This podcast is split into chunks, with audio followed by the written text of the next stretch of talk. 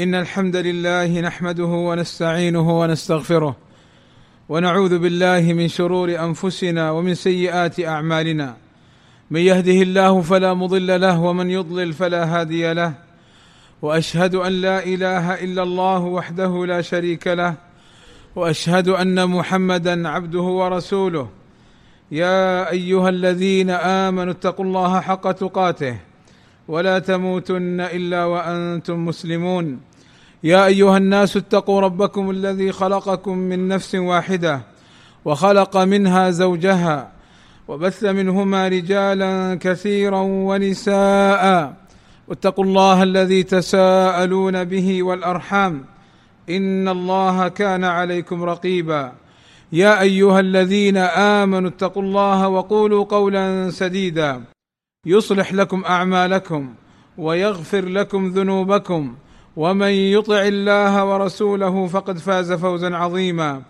ألا وإن أصدق الكلام كلام الله وخير الهدى هدى محمد وشر الأمور محدثاتها وكل محدثة بدعة وكل بدعة ضلالة وكل ضلالة في النار. أما بعد فمن توضأ ثم لمس زوجته أو قبلها فلا ينتقض وضوءه.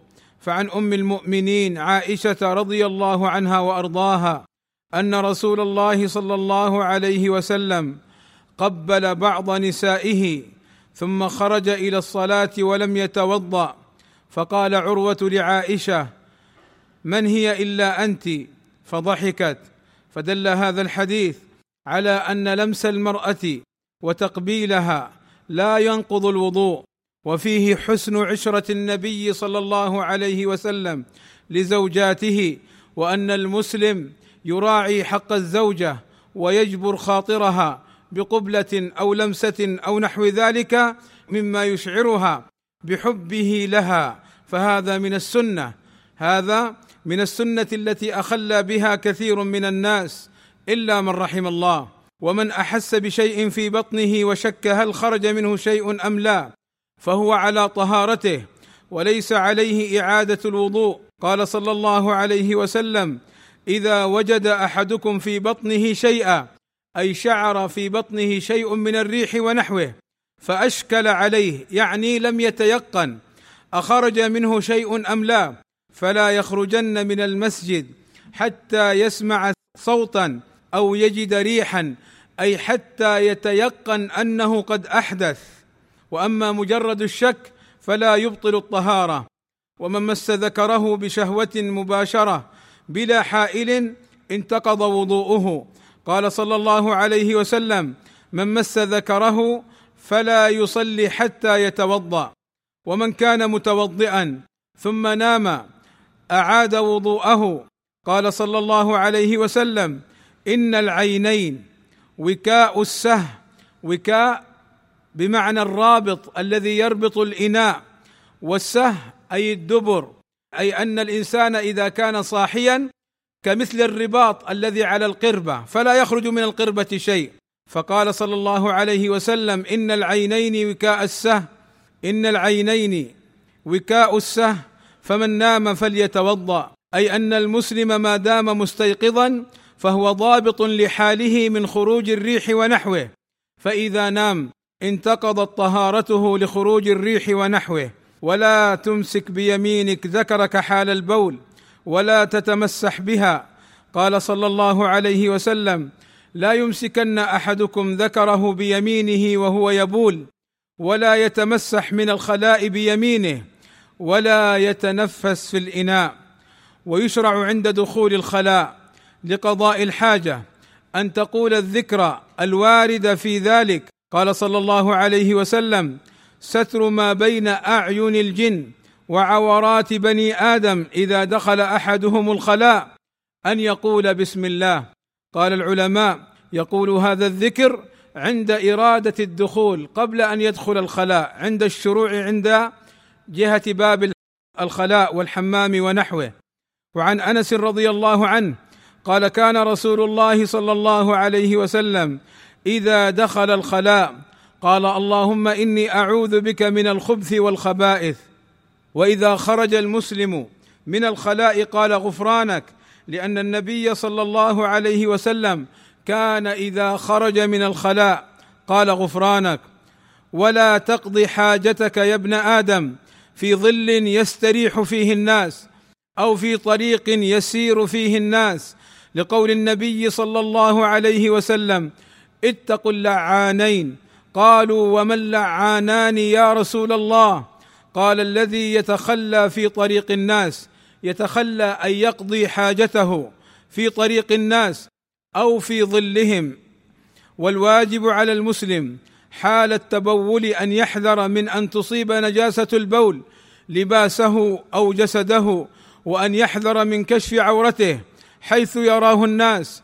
قال صلى الله عليه وسلم استنزهوا من البول فإن عامة عذاب القبر منه والله أسأل لي ولكم التوفيق والسداد وأن يغفر لنا الذنوب والآثام.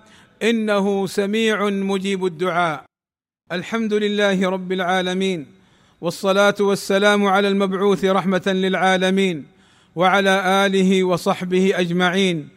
عباد الله ويشرع للجنب أن يغتسل قبل أن ينام فإن لم يغتسل فيشرع له الوضوء قبل النوم ثم يغتسل إذا أصبح. لحديث عائشة رضي الله عنها قالت كان رسول الله صلى الله عليه وسلم إذا أراد أن ينام وهو جنب غسل فرجه وتوضأ وضوءه للصلاة. وعن ابن عمر أن عمر رضي الله عنهم أجمعين قال يا رسول الله أينام أحدنا وهو جنب؟ قال نعم إذا توضأ ثم لينم حتى يغتسل إذا شاء. وقال صلى الله عليه وسلم ثلاثة لا تقربهم الملائكة جيفة الكافر والمتمضخ بالخلوق يعني الذي يستعمل ما تستعمله النساء والجنب إلا أن يتوضأ. فكثير من الناس اليوم للأسف الشديد نراه بعد أن يقضي حاجته من زوجته ينام جنبا ولا يتوضأ. والسنة أن يغتسل فإن كسل عن الاغتسال فلا أقل من أن يتوضأ وينام. عباد الله بعض الناس هذه الأيام يحتفل بمولد النبي صلى الله عليه وسلم. ولا شك عند أهل العلم المحققين العالمين العارفين بسنة النبي صلى الله عليه وسلم أن المولد بدعة وليس بسنة ولا يشرع وليس المولد دليلا على حب النبي صلى الله عليه وسلم إنما يكون حب النبي صلى الله عليه وسلم بتعلم سنته وبتطبيق سنته وبنشر سنته صلى الله عليه وسلم. هل نحن نحب النبي صلى الله عليه وسلم. أكثر من الصحابة الذي كان الواحد منهم يتقدم إذا جاء السهم إلى النبي فيفدي النبي بصدره. هل أحدنا كالصحابة الذي قتل أباه وأمه الكافرين قتالا مع النبي صلى الله عليه وسلم؟ والله ما بلغنا ولا ذرة من حبهم للنبي صلى الله عليه وسلم. فهل احتفلوا بالنبي صلى الله عليه وسلم؟ والمولد سنة رافضية نصرانية خبيثة انتشرت في هذه الأمة. النبي صلى الله عليه وسلم إذا كنت تحبه يقول لا تطروني أي لا تبالغوا في مدحي كما أطرت النصارى عيسى ابن مريم. إنما أنا عبد إنما أنا عبد الله ورسوله. فقولوا عبد الله ورسوله أو كما قال عليه الصلاة والسلام. وهؤلاء لا يعرفون النبي إلا في المولد. والواحد منهم يحلق لحيته ويسبل ثوبه ولسانه بذيء وأفعاله قبيحة ثم يقول أنت لا تحب النبي. انظر من فينا الذي يحب النبي؟ هل الذي يتبع سنته ويتعلم سنته أم الذي يخالف سنته؟ أنت بالمولد تخالف سنة النبي صلى الله عليه وسلم. كان عليه الصلاة والسلام يكرر في كل خطبة ألا وإن خير الكلام كلام الله. وخير الهدى الطريقة هدى محمد طريقته صلى الله عليه وسلم. ثم يقول وشر الأمور أي في الدين محدثاتها. ما الأمر المحدث؟ هو الأمر الجديد الذي لم يكن في سنة النبي صلى الله عليه وسلم ولا فيما كان عليه الصحابة رضوان الله عليهم.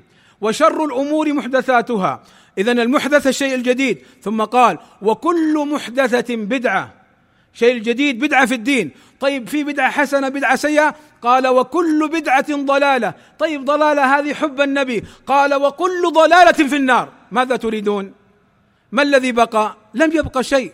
فعلينا بارك الله فيكم أن نتبع سنة النبي صلى الله عليه وسلم وأن نحذر من هذه البدع والمحدثات الصارفه للناس عن سنة النبي صلى الله عليه وسلم.